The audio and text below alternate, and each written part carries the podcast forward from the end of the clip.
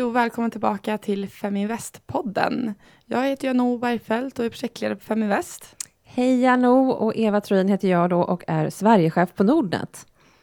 Ja, och idag ska vi prata lite om eh, nya data hos Nordnet. Ja, ny vi tänkte, och gammal kanske? Ja, ny och gammal, men tänkte grotta ner lite grann eh, och titta faktiskt hur kunderna agerar. Ja. Var de handlar och vilka marknader och så vidare. För både ge inspiration och eh, lite input på vad som faktiskt köps och säljs. Mm. Det är ganska intressant. Precis. Eh, men vi tänkte börja med att prata om eh, lite andra saker faktiskt. För det kommer ju ske en del förändringar med Feminvest. Mm.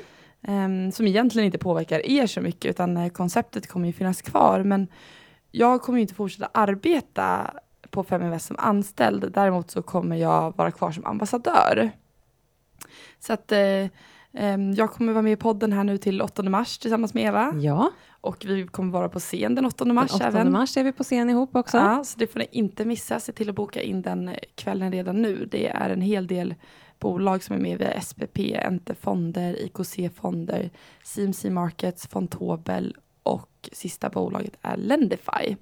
Så att, eh, det blir jätteroligt. Jättespännande. Ja, det ska bli kul. Och, och det blir ett bra avsnitt på vår resa tillsammans med Feminvest. Och jag, vi kommer ju fortsätta att eh, fortsätta jobba med Feminvest och vara med på event och, och så vidare. Så att mig kommer ni se mer av. Men i podden kommer inte du och jag vara kvar. Nej, det är podden som är lite annorlunda. Vi kommer, det kommer fortsätta som en podd och eh, det är en väldigt stor möjlighet att vi gästar podden. Men, men inte sitta där som programledare. Så att, eh, det blir spännande att se vad som händer där.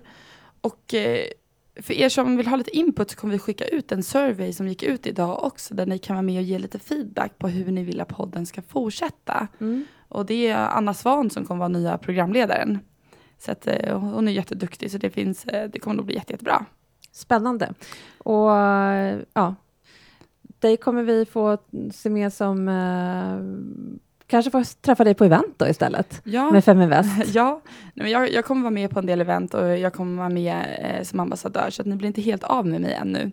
Men jag kommer börja arbeta som managementkonsult på Ascend, som är ett eh, konsultbolag som arbetar med just förändring. Mm. Så att det är ett ganska litet bolag, 28 anställda. Eh, det passar mig ganska högt i tak, entreprenellt. Um, som är jättehärlig företagskultur och eh, jobbar med förändringsprojekt. Så att ehm, det blir Ja. nytt och spännande och eh, kanske träffar er därigenom. Vi kommer hälsa på oss i ert företag. Precis, och så här är det ju alltid att eh, man går vidare. Och stort lycka till säger jag till dig. Och jag kommer ju finnas kvar och eh, är ju också kvar i Sparpodden, där jag har varit tidigare, om man just vill lyssna på podd med mig. Ja, och vi kommer ju nu fortsätta här till eh, vårt sista, den andra mars, tror jag, sista avsnittet med oss sänds. Mm. Och där kommer vi också gå igenom lite mer, eh, göra ett lite mer personligt avsnitt. Så att eh, ni får höra lite på våra, eh, hur vi har tänkt den tiden och resan med Feminvest. Ja. Men det kommer ju som sagt, Feminvest kommer fortsätta som vanligt. Eh, vi har fler och fler event. Vi hade två event här nu i januari. Var helt fullbokade, det var jätteroligt. Och vi har ett event i Göteborg den 21 februari, så det får ni inte missa. Bolagen som kommer presentera där är Hybricon. Det bolaget var extremt populärt när de presenterade i Stockholm i våras. Jättespännande. Eh, Repasso Energy och Opus. Och Nordnet kommer även ha en utbildning där. Mm. Så Alexander Gustafsson stöter man på det också. Ja, Ja, strålande. Ja, och sen har vi ju faktiskt ett annat event som är fullbokat. ja Och det är Nordnet Live. det är helt galet. Ja, det är faktiskt... Eh, vi har inte varit med om att det är, har blivit fullbokat så här tidigt och då har vi ändå liksom tagit kanske i lite grann. Eh, ja, eftersom det är en hel dag så kommer ju inte alla samtidigt med antalet anmälda. Men nu är det fullt, så nu går det faktiskt inte att anmäla sig till eventet längre. Det är också en jätte, jätte, jättelång väntelista. Eh, men det går ju att följa det live. Och det gör man... Eh, jag skulle säga att enklast är faktiskt att gå in på Nordnet Live eh, 2017, söka på det och gå in och anmäla sig till live-eventet, för då får man länkar och pushnotiser och annat. Annars så kan man bara gå in på vår hemsida den 16 februari, för då kommer det sen ligga i våran, på vår hemsida. Ja, och för er som är där så eh, kom förbi och säg hej till eh, mig och Eva. Mm. Vi kommer nog mingla runt. Ja, eller jag, kommer, jag står ju faktiskt på scen mest hela dagen, eh, så att jag kommer inte vara så tillgänglig för mingel, men jag hoppas att ni vill lyssna på mig, för att jag har ju fantastiska gäster på scen och håller just nu på att grotta ner mig i personprofiler och titta på manus och vad är det vi vill få ut av de här. Jag ska bland annat prata med Christer Gardell, Ola Rolén, Jane Walerud, med flera, med flera. Ja, henne Eh, ser jag fram emot att lyssna på. Ja, så att det är otroligt mycket spännande personer på scenen som, som eh, eh, man vill veta mer om. Och Feminvest har ju Monte där också, så Mm. där får ni gå och titta in. Ehm, Ja, det kommer ju hända massa spännande saker, inte bara på scenen, utan även utanför, där man får träffa bland annat er eh, och eh, många fler. Så det, ja, det är ett bästa event, ska jag säga, för sparare. Det största i varje fall, eh, med mycket variation. Det är många som är där och eh, fantastiska gäster på scenen. Så jag hoppas att vi ska kunna få ut lite spännande nyheter under den dagen. ja, men det tror jag absolut. Mm. Och eh, nu har vi kommit in i rapportperioden här också. Ja, ja, i allra högsta grad. H&M släppte ju en jättebra rapport och det glädjer nog många aktieägare. Vi hade ju en diskussion om det. Ja, vi var ju Tidigare. Feminvest var ju eh, och träffade H&M samma dag som de släppte rapporten. Och det här kan ni se ett eh, liveavsnitt om idag. Där vi gör en fundamental analys om H&M, går igenom lite vad man kan titta på. Och sen så träffar vi H&M's IR-chef Nils Winge. Så att eh, de hade full rulle på huvudkontoret kan jag säga. Men det var jätteroligt att få komma dit. Mm. Ehm, och Skanska rapporterar ju nu också. De har ju haft en ganska trevlig resa här med, med presidentbytet. Så att, eh, det, det kommer på fredag om jag inte har fel. Så det blir spännande. Mm. För er Mm. som har Skanska aktier så kan det, ja vi får se vad som händer där. Ja, nej, men det är spännande och eh, USA är ju alltid högaktuellt. Trump slutar ju inte att eh, eh, chockera eh, med sina uttalanden och det påverkar ju också naturligtvis våra svenska bolag. Eh, både positivt och negativt. Men det är bara att följa med. Det pratade vi om en hel del i förra avsnittet också, vad vi tror kommer hända. Ja man kan ju säga att han är en doer. Ja, det kan man göra. Det kan man verkligen göra. Sen eh, hur i, i väl genomtänkta alla de eh, besluten är, det är de säkert för hans del, men vi andra hänger inte riktigt med. Nej, Nej så, så är det ju verkligen. Men idag ska vi faktiskt titta på vad som händer i handeln. Ja, Vad köps och säljs och ja, vad äger man egentligen? Vi har med oss en hel del eh, kunddata från Nordnet Mm. och det är kanske viktigt att poängtera att det här speglar ju era kunder. det här speglar våra kunder och det speglar också, speglar också, jag har valt att titta på våra nordiska kunder, eftersom vi finns i fyra länder. Och eh, det är lite intressant att se hur det ser ut på helheten när vi tittar på kunderna, för att då får vi ändå en lite bredare perspektiv. Vad är det vi handlar, vad handlar våra kunder för någonting? Jag blir så nyfiken, kan vi inte bara köra igång? Jo, Om man eh, tittar på 2016. Ja, men tittar man på, på 2016 så är det ju kanske inte så förvånande då om man tittar tillbaka. Eller jag kanske ska vem, vilket tror du är det mest handlade bolaget? Oj. Nu. Ja, eh, Apple kanske. Mm, det, ligger, det ligger högt i topp med tanke på eh, den amerikanska marknaden, men faktiskt är det Fingerprint. Ja. Eh, det, är, ja, mm. Ja. Mm. det Dålig gissning. Nej, men eh, Apple är, det är ju liksom, det är ett av de största bolagen, men, men eh, vi tenderar ju att handla mycket i, på vår Mm. egen marknad. Fingerprint är det absolut mest eh, handlade bolaget, överlägset skulle jag säga om vi tittar på kunddatan. Eh, och eh, tittar man på näst mest handlade så är det Novo Nordisk som ligger som tvåa och där är det ju mycket jag menar det, vi har ju mycket danska kunder naturligtvis, men vi har ju också jättemånga svenska kunder och i övriga Norden som har varit inne och handlat i, i det värdepappret. Men Eh. känner inte du lite så här med Fingerprint? Jag tycker att det lite, känns lite sent nu. De har bara en produkt. De har liksom haft sin resa lite, känns som. Det är väldigt mycket volatilitet. Det är ju en väldigt volatil aktie. Det ska man ha förståelse för om man går in och handlar i den. Och, eh, Och att det faktiskt inte har så mycket produkter. För det Nej. är en, en annan sak som går in i bolag som säljer väldigt mycket. Då är man inte lika känslig. Men eh, Fingerprint, jag börjar känna lite så här, nej, jag är inte alls intresserad av den aktien. Nej, och, och det, den, just den här aktien finns det ju liksom, eh, det är så roligt att, att diskutera den, därför att det är så mycket känslor inkopplade med den aktien också. Eh, och den är ju högaktuell just nu också med tanke på att det precis har släppts en bok, Fingerprint the Story. Jag har läst den. Och jag tycker att den beskriver Eh, ja, men på ett bra sätt får man förståelse för det här bolaget och, och liksom turerna som har skett i det, för det är ganska unikt det som har hänt i det här bolaget. Eh, och framåt får man väl se. Det är ju en hel del frågetecken skulle jag säga också fortsatt. Eh, men eh, samtidigt så jag tycker att själva tekniken i det de håller på med är väldigt spännande. Ja, Men det finns en hel del frågetecken utifrån mitt perspektiv eh, om jag skulle investera i Fingerprint eller inte. Ja, och där tycker jag man måste särskilja lite. Nu pratar jag om att investera i, sen Mm. bolaget i sig tycker jag att det är väldigt häftigt det de gör Ja. och de har legat i framkant. Ja. Ehm, men jag vet inte, jag, jag tycker att det är en osäker framtid. Ja, och det är som sagt, det, det finns två läger kring den här. Ja. Och eh, väldigt, väldigt många är dock inne i den här aktien och det är väldigt, väldigt mycket småsparare. Eller småsparare ska vi inte säga, privatsparare kallar vi det, för det är liksom inte, det är både Generellt sett så brukar det vara mycket institutioner inne. Nu är det klart när de ligger på OMX eh, eller på, så har de ju liksom kanske fått lite mer institutionellt kapital. Men tidigare har det ju varit framförallt privatsparare som har varit i den här aktien och det är väldigt många som innehandlar i den. Men spännande, jag tycker att det är en spännande aktie att följa också för att eh, mycket historiken kring den, men också framåt. Och att den väcker, den väcker känslor, otroligt mycket känslor. Så att, eh, vi får titta framåt vad som, eh, vad som kommer hända. Tredje plats, om vi ska ta den då, så är det Vestas, också ett, eh, ett danskt bolag. Men om vi tittar på de mest eh, nettoköpta eh, förra året, det vill säga liksom vad, vilka bolag är det som har, eh, har köpts mest, så är det faktiskt eh, på första plats, eh, stor, det är mest storbolag då, då är det Nokia som ligger i topp eh, på den nordiska marknaden. Och sen har vi ju Hennes och Mauritz också och Novo Nordisk. Det, det är lite nordisk eh, topp tre. Ja, men eh, det stoppar inte att gå in på den nordiska marknaden bara för man bor i Sverige. Nej, och, och eftersom vi är en nordisk bank så har vi också satt det att vi har ju eh, eh, samma priser på den nordiska marknaden. Eh, Det är så att inte fantastiskt. kostar. Däremot så ska man naturligtvis, eftersom det är olika valutor så får du ju valuta eh. Men, men courtaget är detsamma. Och eh, om vi tittar på vad, vad det sålts mest av. Om vi Ja, fortsätter på 2016-spåret Ja, här. precis. Tittar man på den så ska...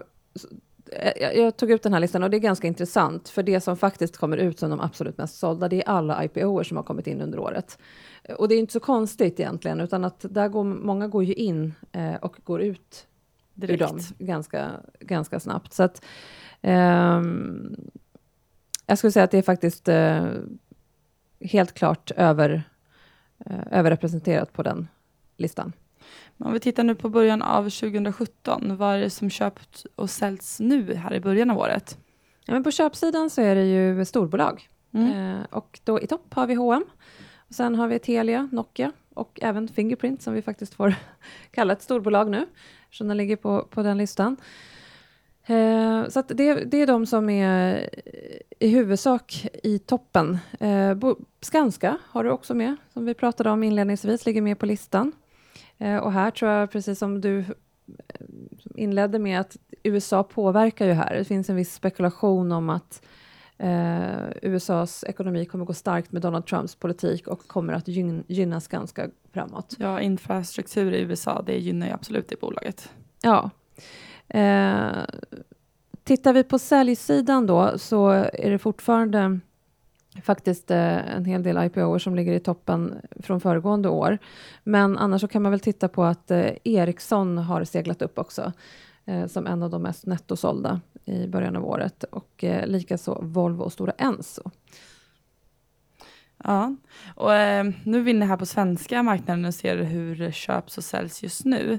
Men Om vi Mm. tittar lite på den amerikanska marknaden, som jag redan var inne på från början här. Jag började direkt på den amerikanska Ja, marknaden. precis, men det jag är är så rätt. nyfiken på den här.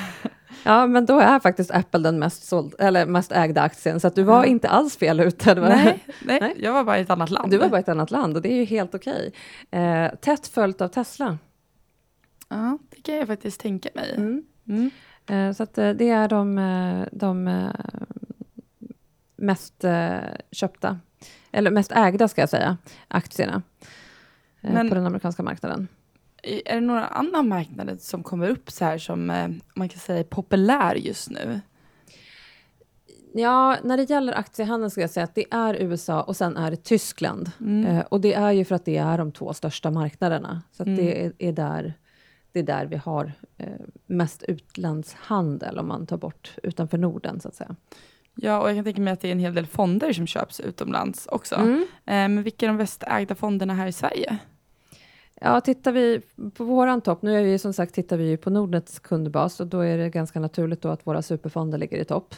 Eh, det är de mest, eh, mest ägda, eller ehm, ja, mest ägda fonderna. Eh, sen har vi också Spiltans nya Global Investmentbolagfond Mm. och Spil, Spiltan Investmentbolag. Så både Den har Spil- ju både du och Ja, jag. både du och jag äger den och sen har de ju den här nya global investmentbolag också. Eh, men tittar man bara lite övergripande på listan så kan man säga att det är en ganska bra blandning mellan globalfonder och eh, småbolagsfonder skulle jag säga generellt. Om man tittar i, i toppen på, på mest ägda hos oss. Men kan se vilken marknad det köps mest fonder på. Ja, eh, det kan man göra. Det är mycket USA. Sen är det också så att USA väger så tu- tungt eftersom det är en så stor marknad. Så även om man köper globalfonder så skulle man ju säga att det är ju liksom i huvudsak USA man investerar i.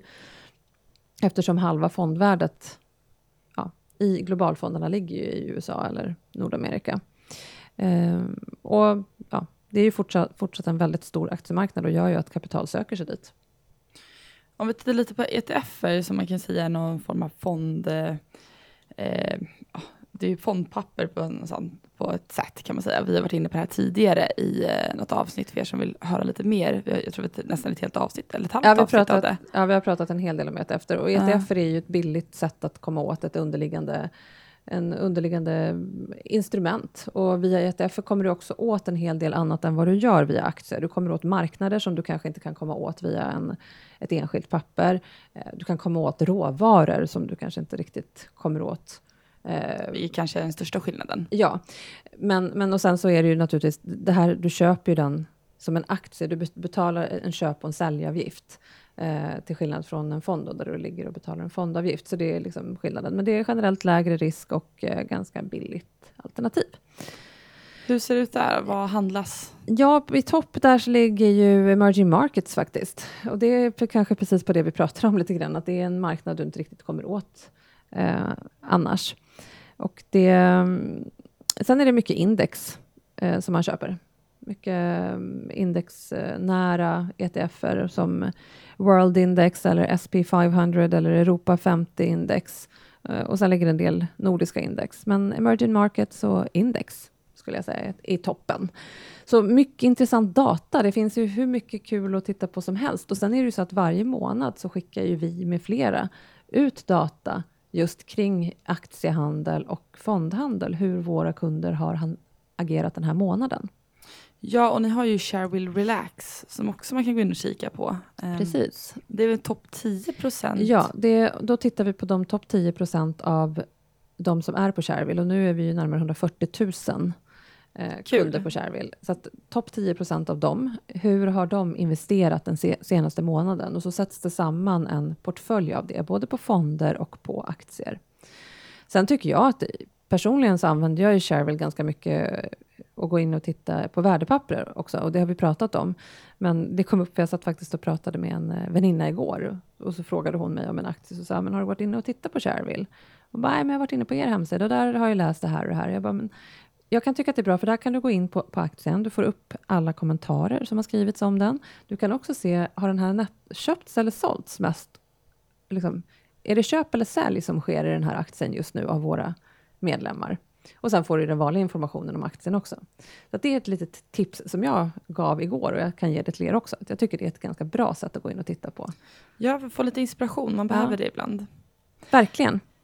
Jag tänker också säga att eh, för er som, eh, det kommer inte bli någon större förändring med Feminvest, vi vill inte skrämma någon här, det kommer hända, eh, fortsätta precis som Det vanligt. blir Men, fantastiskt. Det är bra Ja. med förändring. Ja, men det är ju det. Alltid. ehm, och därför jag har valt att jobba med förändring nu också, för Ja. jag tycker det är så himla kul och spännande. Och, det är bra när det händer nya saker.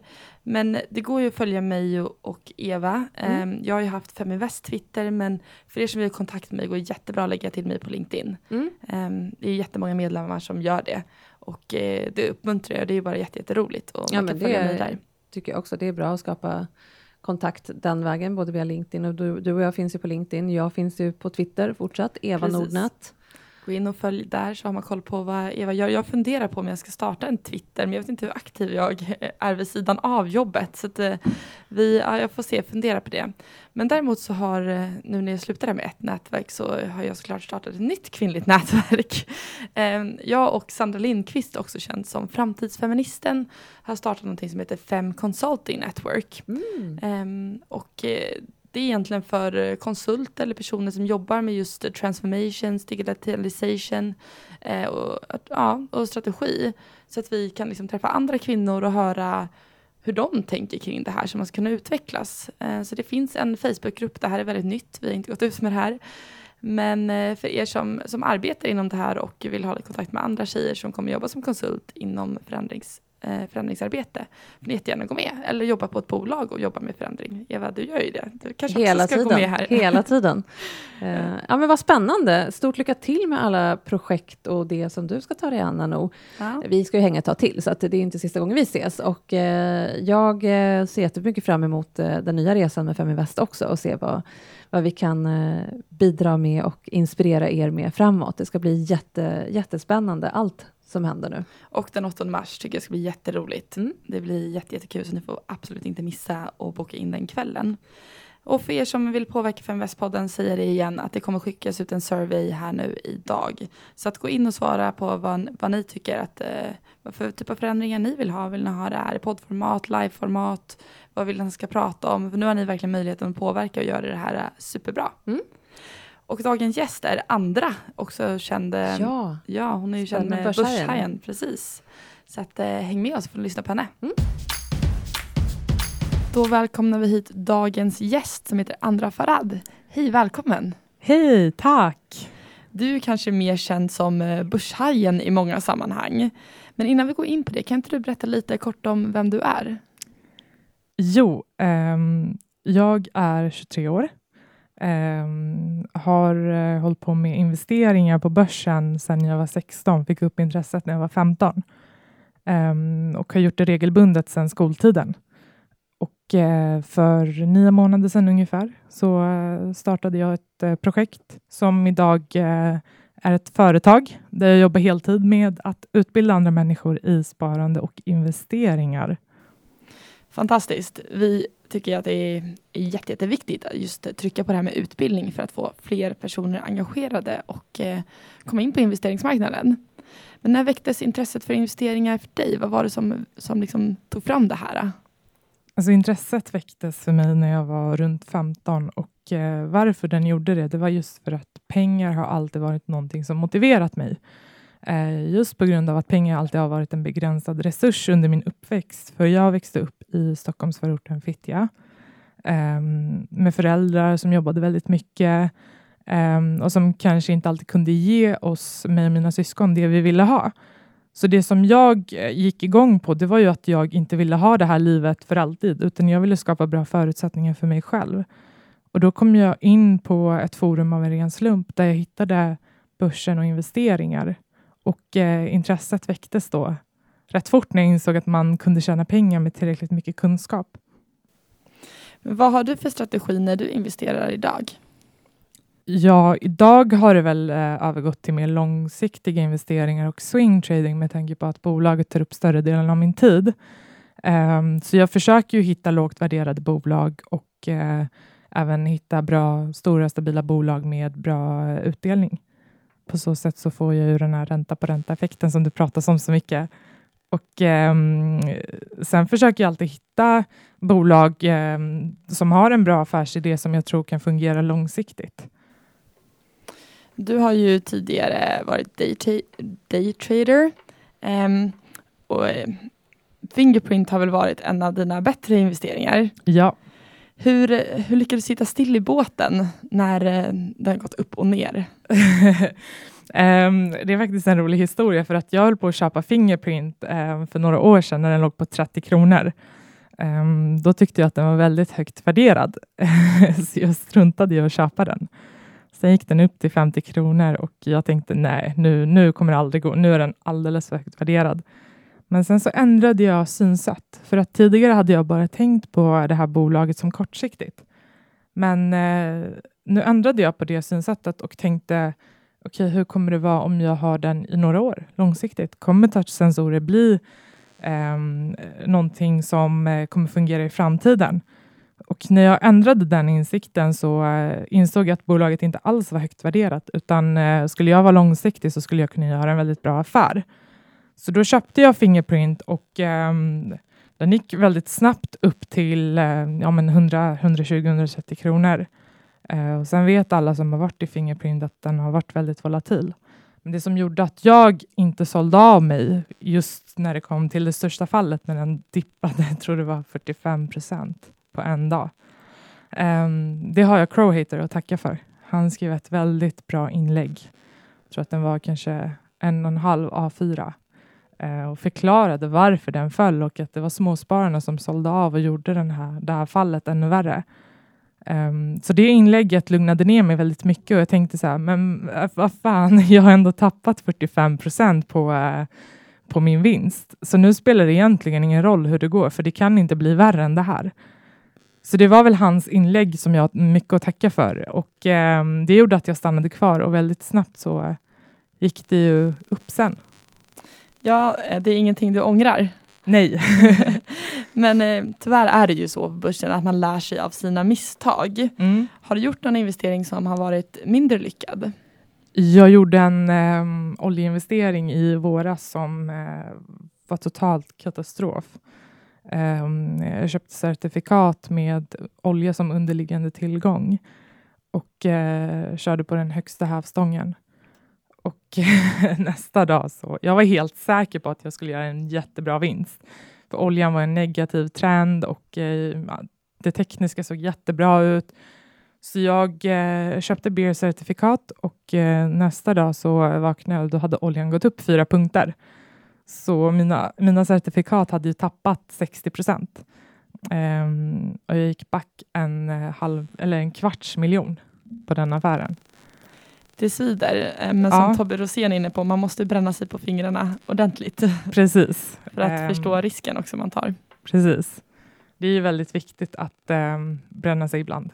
För att man gör ju affärer regelbundet och um, alla kan inte alltid vara bra. I slutändan handlar det ju om att göra fler bra affärer än vad man gör dåliga. Men uh, det är klart att man bränner sig. Alla gör det, så det är ingenting fel. Nej, um. man, eh, förhoppningsvis så gör man det med pengar som man har råd att, att förlora. Det är väl det som Precis. är viktigt. Mm. Men du har gjort en fantastisk resa. Du är ju ung tjej i finansbranschen och VD för Börshajen. Um, kan du inte berätta vad Börshajen är? Börshajen är en utbildningsplattform med fokus på sparande och investeringar. Um, tanken är att det ska vara helt kostnadsfritt för användaren. Så vi erbjuder utbildningar, föreläsningar, vi har digitala plattformar, finns på Facebook och Twitter och vi har faktiskt precis fått in Erik Olaisen som bloggare. Jättekul. Och ni har även utbildningar tillsammans med Nordnet. Precis. Vad är det för utbildningar ni håller tillsammans? Vi håller i eh, grundutbildningar, eh, utbildningar för nybörjare, men även lite mer eh, djupgående utbildningar. Um, så vi försöker anpassa utbildningarna efter olika kunskapsnivåer så att alla hittar någonting som passar dem. Både på Instagram och Facebook har ju Börshajen väldigt många följande, följare och ni växer extremt mycket. Varför tror du att Börshajen har lockat så här mycket följare och varför har ni fått så mycket uppmärksamhet? Jag tror att det som gör Börshajen intressant, det är väl, om jag nu får säga det, det är väl jag som person. Um, att vara väldigt ung tjej och med utländsk påbrå, det är inte så vanligt i finansbranschen. Så jag tror att just min bakgrund och min historia intresserar ju väldigt många. Och eh, väldigt många tänker att om hon kan så kommer jag också klara det. Men eh, själva eh, sociala medierna vi driver idag, där är det väldigt mycket fokus på vad vi gör och hur, alltså, vi försöker fånga upp intresset. Eh, och jag märker ju att det är väldigt många som är intresserade av det här, men som kanske inte vågar ta steget. Det är en väldigt hög tröskel. Um, och vi försöker göra det här med investeringar till någonting roligt och inte så allvarligt. Och jag tror att det är det som människor tycker om. Ni har även precis gått ut med att ni har fått ett publikt bolag att investera i Börshajen. Ehm, kan du inte berätta lite hur den här processen har gått till? Jo, um, det är ju Front Office Nordic. De är börsnoterade på um, NGM och uh, jobbar med, eh, de är ett investmentbolag, men de har ett dotterbolag som jobbar med företagsrekonstruktioner. Och det hela började väl med att eh, Johan, då, som är VD där, har varit kund hos mig. Eh, vi har fått en väldigt bra relation under de här två, tre åren. Så vi träffades i somras och pratade lite och det här var precis det de ville göra. Det är jätteroligt. Och nu har vi pratat en hel del om eh, framgångarna med Börshajen. Du har gjort en väldigt snabb karriär, du är väldigt ung och vd över ett företag, vilket är fantastiskt tycker jag. Det är jätte, jätteroligt. Tack. Tyvärr så har ju eh, sådana här saker sina baksidor också, om man säger så, vilket eh, jag personligen tycker är jättetråkigt. Men du har fått en hel del motgångar. Ja, um, väldigt många tycker att det är kul med publicitet, vilket jag också tycker. Uh, men som ung och som tjej så har jag väl märkt att det är väldigt mycket hat som flödar på nätet, Eh, vilket är väldigt tråkigt. Och eh, Många tänker inte på att det finns en baksida med publiciteten. För varje artikel jag gör, för varje intervju jag ställer upp på, så eh, får jag bara mer och mer hat. Eh, jag, jag, blir så upprörd när jag hör det här. Jag tycker till alla er som lyssnar så hoppas jag, har man en, en, ehm, en annan åsikt så behöver man ju faktiskt inte kommentera alls. Om man tycker att det här är ointressant och inte, inte tillför en själv någonting så kan man ju välja faktiskt att inte kommentera. För jag tror det man glömmer lite när man sitter bakom datorn är ju just det här att eh, det är en person som, som får ta del av det här och, och det är klart att det sårar. Ja, alltså problemet är ju att många tror att bara för att man är en offentlig person så är det okej okay att sitta och hata på det man gör eller att hata på den personen. Alltså jag får ju höra allt ifrån att jag är en... Eh, jag, jag, vet inte hur mycket jag får svära här nu. Men allt ifrån att jag är en jävla fitta till att jag är en jävla hora som tar för mycket plats. Um, jävla invandrare, åk tillbaka, jävla kvinna, ställ dig i köket igen. Så det är ju verkligen allt möjligt och det som jag kan tycka är sjukt är att all hat jag får är bara från män. Jag har inte hört någonting dåligt från någon kvinna, utan alla kvinnor är jättestöttande, pushar en, tycker att man gör ett bra jobb. Men sen finns det eh, vissa män som tycker att det här är sjukt jobbigt när en ung tjej går ut och får uppmärksamhet och gör någonting bra. Så då tycker de helt plötsligt att det är okej att klanka ner på eh, den personen och liksom försöka trycka ner den. Vissa dagar kan jag känna att ja, men jag låter det bara rinna av mig, men jag är inget annat än en människa. Och eh, ibland kan det bli väldigt, väldigt jobbigt. Ja, det är klart. Och jag tror att det här bromsar ju också att fler kvinnor kommer in på investeringsmarknaden. Och eh, det är det vi sitter och vill främja. Vi vill ju få in fler kvinnor, så det är väldigt tråkigt då om man som väldigt duktig trader som du har varit, eh, nu kanske du har gått över mer till långsiktiga placeringar, gör ett väldigt bra jobb, är 23 år, är vd för ett företag, då borde man ju uppmuntra det här istället. Ja, det kan man tycka, men eh, tyvärr så av någon konstig anledning så håller inte alla med, vilket jag tycker är väldigt synd. Nu är jag ju som person att eh, jag inte låter någonting stoppa mig. Har jag bestämt mig för någonting, då gör jag det. Men tyvärr finns det väldigt många tjejer som vill göra det här och vill vara verksamma inom finansbranschen, men som blir väldigt rädda och tar ett steg tillbaka när de ser det här. Och det tycker jag är väldigt synd, för att vi ska ju, vi ska ju hjälpa varandra och utveckla varandra. Vi ska inte trycka ner varandra. Nej, jag tycker eh, innan man skriver någonting, ta en tankeställare för att det är en person bakom det här. Och kom gärna med konstruktiv kritik. Eh, det är jättebra. Det är klart att man vill, vill ha kritik, men på ett sätt som man faktiskt kan eh, utveckla företaget och vad man gör. Precis. Om vi ska runda av nu, vad har du för tips till våra lyssnare? Um, jag, jag som person har ju tradat men eh, jag har ju uppmuntrat under mina utbildningar folk till att investera långsiktigt för att jag tycker att som nybörjare så är det väldigt viktigt att eh, inte ta allt för mycket risker. Så det jag skulle vilja mm, att eh, Feminvest lyssnare tänker på det är ju att investera dels regelbundet, köp bolag du förstår dig på och eh, var inte rädd för att ta den här chansen att börja investera om du inte gör det. Det är inte så farligt som du tror. Du måste bara våga ta första steget. Och Vad kan man hitta mer om Börshajen? Eh, på sociala medier, eh, Facebook och Instagram eller på vår hemsida borshajen.nu. Tack så jättemycket för att du var med oss. Tack själv. More